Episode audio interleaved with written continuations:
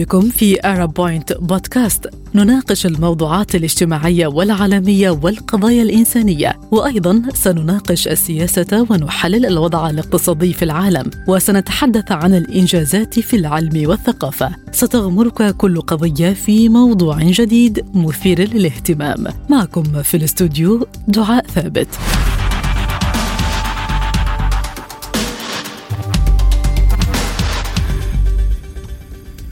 توقعت الأمم المتحدة خسائر فادحة في غضون 60 عاما بسبب محدودية التربة الصالحة للزراعة عالميا. وفقا لاتفاقية الأمم المتحدة لمكافحة التصحر فقد قدرت قيمة خسائر الغذاء وخدمات النظم البيئية والدخل في جميع أنحاء العالم بحلول عام 2050 بسبب تدهور التربة بنحو 23 تريليون دولار. ويتسبب التصحر سنويا في تدهور نحو 12 مليون هكتار وهو ما يعادل 28 مليون فدان من الأراضي ويؤثر في 40% من سكان العالم ويصيب جميع القارات. ولا تتوقف التداعيات السلبية للتصحر في الجانب الغذائي فحسب بل تتعداها إلى أضرار تهدد صحة الإنسان والتنوع البيولوجي وتغيرات المناخ والاستقرار في مجمله. جدير بالذكر أن مؤتمر الأطراف COP الخامس عشر لمكافحة التصحر الذي عقد في أبيجان الشهر الماضي حاول العمل بشكل ملموس على مواجهة التدمير السريع للأراضي وعواقبه الفتاكة على التنوع البيولوجي وسكان الأرض. وجاءت القمة على خلفية التحذير الشديد الصادر عن اتفاقية الأمم المتحدة لمكافحة التصحر بأن ما يصل إلى 40% من جميع الأراضي الخالية من الجليد قد تدهورت بالفعل. وفي الوقت الذي تواجه فيه العديد من الدول الإفريقية ولا سيما في منطقة الساحل والقرن الإفريقي موجات جفاف ممتدة ومستويات غير مسبوقة من انعدام الأمن الغذائي. وتبنى المؤتمر 38 قرارا للاستثمار في استعادة الأراضي وتخفيف آثار الجفاف. كان أبرزها تسريع استعادة مليار هكتار من الأراضي المتدهورة بحلول عام 2030 وتعزيز مقاومة الجفاف من خلال تحجيم توسع الأراضي الجافة وتحسين السياسات الوطنية والإنذار المبكر والرصد والتقييم وتعبئة التمويل لمكافحة الجفاف بالإضافة إلى إنشاء فريق عمل حكومي دولي معني بالجفاف للفترة من 2022 و 2024 للنظر في الخيارات الممكنة لدعم التحول من رد الفعل إلى إدارة الجفاف الاستباقية.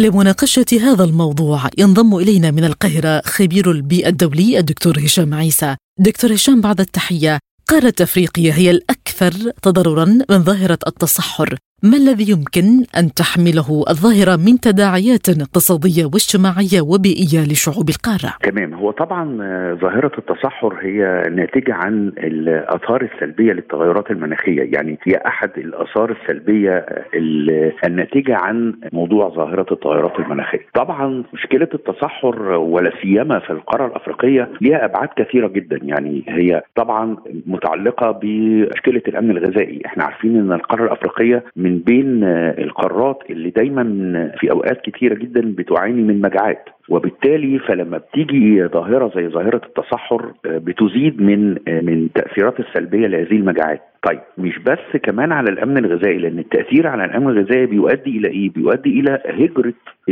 القبائل أو المجموعات البشرية اللي موجودة في القارة الأفريقية سواء داخليا أو خارجيا إن هو مفيش غذاء مفيش غير متوافر الحد الأدنى من من الحياة. وبالتالي فبيحاول يضطر إنه يهاجر من من المكان اللي هو فيه اللي هو الذي تاثر بظاهرة التصحر إلى أماكن أخرى. هذه الأماكن الأخرى إذا كانت داخلية فمن الممكن أن تثير صراعات ما بين شعوب المنطقة اللي مهاجر إليها وما بين الناس اللي هي جاية هجرة نتيجة التأثر بظاهرة التصحر. وبالتالي فمن الممكن هنا ان نرى بعض الصراعات ويمكن الحروب الأهلية اللي ممكن تحدث نتيجة الهجرة. لأن برضه هم الأماكن اللي بيهاجروا لها ما هياش أماكن غنية أو ما هياش أماكن لا هي يا دوب لم تتأثر بعد بظاهرة التصحر. فدي أحد المشكلات الخاصة بالهجره الداخلية. طب الهجرة الخارجية بقى وطبعا كلنا بنشعر بموضوعات الهجرة الخارجية المجموعات من الأفارقة اللي بيهاجروا إلى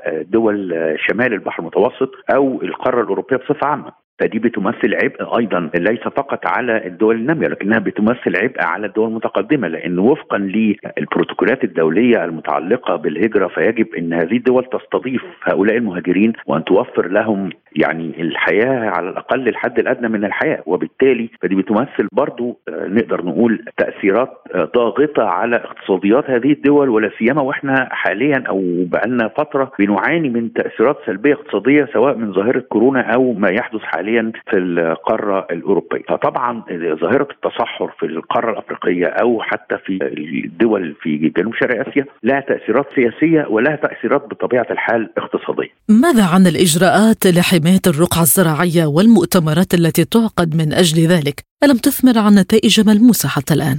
هو بطبيعة الحال الاتفاقية الإطارية لتغير المناخ واتفاق باريس لتغير المناخ أفرد مجموعة من المواد المتعلقة بالادابتيشن أو التكيف مع الآثار السلبية للتغيرات المناخية. ودي عشان تنفذ يجب أن يتم توفير مصادر تمويل ومصادر تمويل كبيرة عشان أقدر إن أنا أبتدي أحمي الدول المعرضة للآثار السلبية للتغيرات المناخية آه، آه، من من تداعيات هذه الظاهرة. فمطلوب هنا أن يتم توفير تمويل كبير جدا عشان أقدر إن أنا آه، في الدول التي آه، اللي هي بتعاني من التصحر أقدر آه، يعني أستخدم مجموعة من التكنولوجيات الجديدة اللي تحاول بقدر الإمكان إنها يعني تستصلح الأراضي اللي تم تجريفها نتيجة التصحر. وبالتالي إعادة هيكلة الرقعة الزراعية في المناطق التي تاثرت فده محتاج تمويل. في طبيعة الحال أيضا بعض المناطق التي تتأثر بانخفاض مستوى المياه. دي محتاجة إن يتم استخدامات تكنولوجيا وتقنيات مختلفة وأبحاث كثيرة جدا على نوعية المزروعات التي يتم زراعتها التي تستهلك قدر أقل من المياه عشان أقدر أحافظ على المياه. فاذا النتيجة لذلك إيه؟ فأنا محتاج هنا تمويل. المواد الخاصة بالالتزامات الدول المتقدمة تجاه الدول النامية الواردة في الاتفاقيه الإطارية لتغير المناخ أو اتفاق باريس لتغير المناخ بتلزم الدول المتقدمة بتوفير التمويل اللازم لمواجهة الآثار السلبية للتغير التغيرات المناخيه لكن على حقيقة الأمر بقى في الأمر الواقع لم يتم توفير هذا التمويل اللازم. لم يتم أيضا مش مش فقط التمويل ولكن ال capacity building أو بناء القدرات الوطنية في هذه الدول للتعامل مع هذه الظاهرة بشكل علمي تنمية البحث العلمي نقل التكنولوجيا اللي إحنا اتكلمنا عليها سابقا لصالح هذه الدول عشان تبتدي تستخدمها. كل ده مذكور كتابة في الاتفاقية. لكن على أرض الواقع لم يتم التنفيذ ولنا في صندوق المناخ الأخضر بيان واضح إن هذا الصندوق المفروض إن يبقى فيه آه، يتم تمويله من الدول المتقدمة ب 100 مليار دولار سنويا. يعني لو هنتكلم من 1000 من 2015 حتى الآن المفترض إنه يكون في أكثر من 800 مليار. آه، طبعا هو لم يتم حتى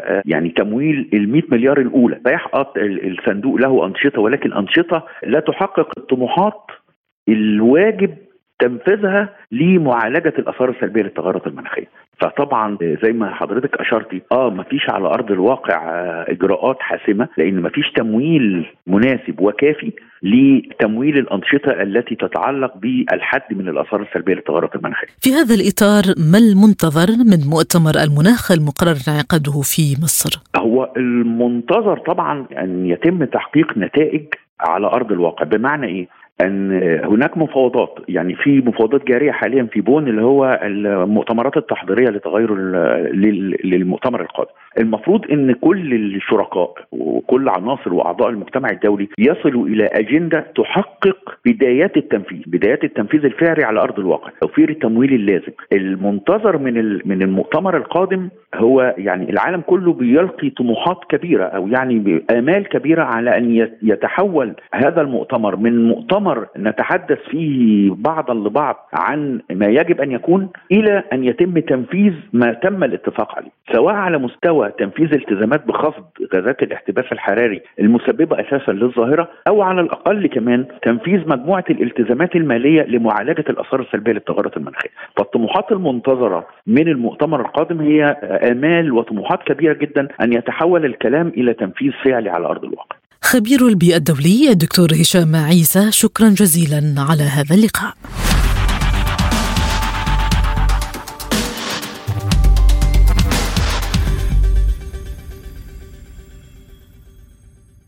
نتجه إلى بيروت ومعنا عبر الهاتف رئيس حزب البيئة العالمي الدكتور دوميت كامل. دكتور دميط بعد التحية كيف تنظرون إلى ظاهرة التصحر وتداعياتها والأرقام المفزعة التي تصدرها الأمم المتحدة حول حجم التدمير السريع للأراضي؟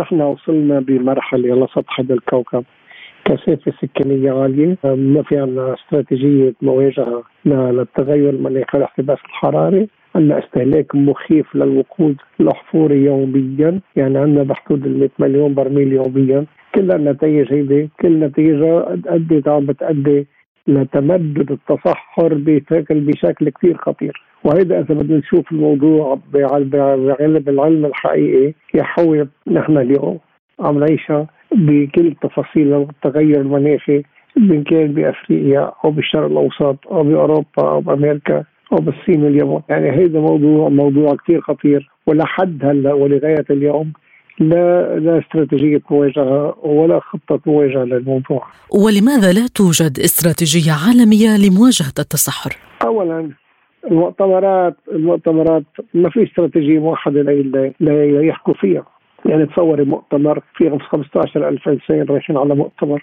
إذا كل واحد بده يحكي كلمة ما في شيء. إذا كل واحد بده بده يحط سطر ما في شيء. يعني هذا موضوع كثير خطير. نحن كعلماء بيئة علماء البيئة بينظروا للموضوع غير كليا من عم بصير المفروض يكون في المفروض يكون في استراتيجية علمية موحدة لحماية البيئة بدول العالم كلها وملزمة. يعني اليوم بدي أقول لك بلشت مؤتمرات كل مؤتمر يبلش بعد سنتين بتلاقي حالنا إنه صار عندنا مليونين برميل زيادة استهلاك يومي. كل شيء كل إذا بده يكون في إذا بده يكون في عندنا استراتيجية موحده بكل تأكيد بدنا نشوف قديش كمية الانخفاض الاستهلاك الوقود. يعني اليوم وقت بنكون كل سنة بلشنا ننزل ل 3 5 مليون برميل بترول من الاستهلاك العالمي. ونكون بنكون هون وصلنا بلشنا نعمل نعمل شيء. ولكن في حال استمرينا على ما نحن عليه اليوم الكارثة الكبرى ستقع حتما والويل والويل للكرة الأرضية ب 2030 و 2050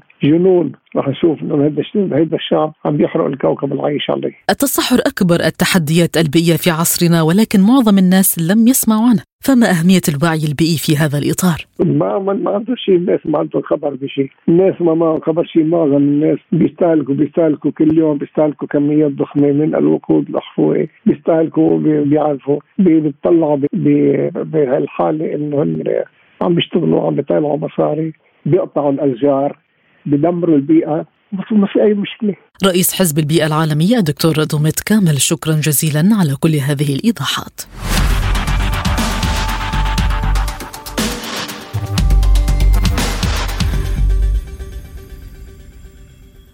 كما ينضم إلينا أيضا من القاهرة أستاذ الاقتصاد الزراعي الدكتور أشرف كمال. دكتور أشرف بعد التحية ما أسباب التصحر وتآكل الأراضي الزراعية والنتائج المترتبة عليه وتأثيره على الأمن الغذائي؟ يعني في الواقع ظاهرة التصحر هي ظاهرة عالمية وانتشرت كثيرا في الآونة الأخيرة، أذكر مثال بسيط لذلك على سبيل المثال بالنسبة لإزالة الغابات ونقص عدد الغابات على مساحة الغابات على مستوى العالم فقد العالم في الآونة الأخيرة 330 مليون هكتار من الأراضي الغابات نذكر منها منذ وقت قريب يعني منذ عامين الحرائق التي حدثت في غابات الأمازون في أمريكا الجنوبية. والتصحر مشكلة كبيرة بالنسبة للوطن العربي تحديدا حيث أن الوطن العربي يقع في منطقة يعني منطقة شبه قاحلة. يعني أصلا العالم العربي به أكثر من صحراء كبيرة منها على سبيل المثال الصحراء الكبرى التي توجد غرب مصر والتي توجد فيها عدة دول من دول شمال إفريقيا. وعلى سبيل المثال فإن مصر أصلا يعني دولة صحراوية لكن بها شريط زراعي هو الموجود على ضفافي نهر النيل. ويعني نعيش في مصر على 4% من مساحة الصحراء بشكل عام وتستهدف مصر زيادة المساحة المعمورة إلى 25% في الفترة القادمة. ونقوم في مصر بإجراءات حازمة للقضاء على التصحر ومن أشكال التصحر كان في مصر هناك تعديات على الأراضي الزراعية بغرض التوسع العمراني وبغرض أغراض, أخرى غير الزراعة. لكن الدولة اتخذت إجراءات حاسمة في هذا السياق فضلا عن جهود الدولة لاستصلاح مزيد من الأراضي من خلال خطة طموحة لزيادة مساحة الاراضي مساحة الأراضي الزراعية تعويضا للمساحات التي تم اقتطاعها من خلال ذلك التصحر ويأتي ذلك في اطار مشروعات كبيرة وهي المشروعات القومية الزراعية الكبرى مشروع الدلتا الجديدة 2.2 من عشرة مليون فدان وتنمية شمال ووسط سيناء 500 ألف فدان ومشروع المليون ونصف فدان واحد ونصف مليون فدان ومشروع تشكى الخير 500 ألف فدان. مشروعات طموحة جدا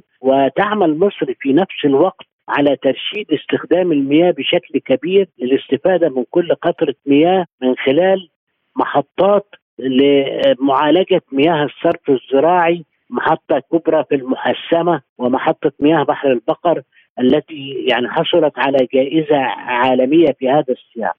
التصحر يعني ظاهرة تهدد الأمن الغذائي عموما ونحن يعني نشاهد شبح أزمة غذاء عالمية بوجه عام والتصحر يزيد من الضغط على المورد الأرضي الذي هو أثمن الموارد للإنتاج الزراعي جنبا إلى جنب مع مورد المياه. مؤخرا دكتور عقد مؤتمر الأطراف كوب الخامس عشر لمكافحة التصحر في ابيجان خرج بالعديد من النتائج لمكافحة الجفاف، كيف ترون مدى نجاعة مثل هذه المؤتمرات في إيقاف التدهور السريع للتربة أم إنها غير ملزمة؟ هي كما ذكرت حضرتك هي توصيات يعني غير ملزمة للدول لكنها توصيات استرشادية عندما تأخذ بها فإنها قد تستطيع مواجهة المشكلة. وهذه التوصيات يعني هامة جدا في الواقع من خلال إما التشريعات أو من خلال إجراءات معينة إجراءات فنية كمثل يعني على سبيل المثال زراعة مصدات الرياح في المناطق المعرضة للتصحر لأن الرياح المحملة بالأتربة والرمال هي يعني سبب رئيسي للتصحر في هذا السياق المؤتمر الذي عقد مؤخرا كان له توصيات فنية مهمة جدا في هذا الصدد ومن المهم أهم شيء لتنفيذ التوصيات الدولية هو توافر الإرادة السياسية المحلية لتطبيق التوصيات الفنية. لماذا لا يحظى مؤتمر مكافحة التصحر بذات الاهتمام العالمي لمؤتمر التغيرات المناخية؟ هذا حقيقي وفي الواقع مؤتمر التغيرات المناخية يعني له زخم كبير الآن خصوصا أنه يعني حدثت تطورات على المستوى السياسي أدت لزيادة أهميته. فقد انسحبت الولايات المتحدة الأمريكية فيما سبق من اتفاقية المناخ في عهد الرئيس ترامب. ثم الآن عادت مرة أخرى بزخم كبير في عهد الرئيس بايدن. يعني وهناك توجه أوروبي لدعم تغيرات المناخ ويعني منتظر إن شاء الله عقد المؤتمر في القاهرة في نوفمبر في العام في هذا العام إن شاء الله. ونأمل أن يعني تكون توصياته محل الاعتبار بشكل كبير من خلال يعني أنا أزعم أن الدول الكبرى الصناعية هي الأكثر تأثيرا في تغير المناخ ولكنها لا تتحمل تبعاتها في هذا السياق. من المهم بالأهمية بمكان أن تتحمل تلك الدول تبعاتها لأن الدول النامية ومنها مصر لا تساهم إلا بقدر كبير في الانبعاثات الحرارية ولكنها من أكثر المتضررين في ذلك. مشكلة التصحر لا تؤثر فقط في الأمن الغذائي، هناك أيضا النزوح والهجرة، أليست الدول الغنية متضررة من هذه الهجرات وبالتالي ألا يعد هذا حافزا للتعاون مع الدول الإفريقية المتضررة من التصحر؟ هذا هام جدا في الواقع ما ذكرتيه حضرتك ويعني مشكلة التصحر من أهم أسباب الهجرة من الدول النامية خاصة الدول الإفريقية إلى الدول الأوروبية خاصة منطقة أفريقيا جنوب الصحراء المعرضة لذلك بشكل كبير.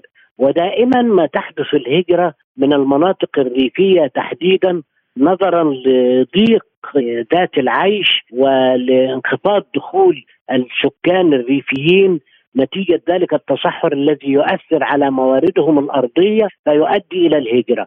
كل ذلك يمكن أن يشكل دافعا للدول المتقدمة للمساعدة في هذا السياق بشكل كبير للتخفيف من أعباء الهجرة التي تذهب. كنا كنا معكم في أرب بوينت بودكاست اشترك واضغط لايك واكتب تعليق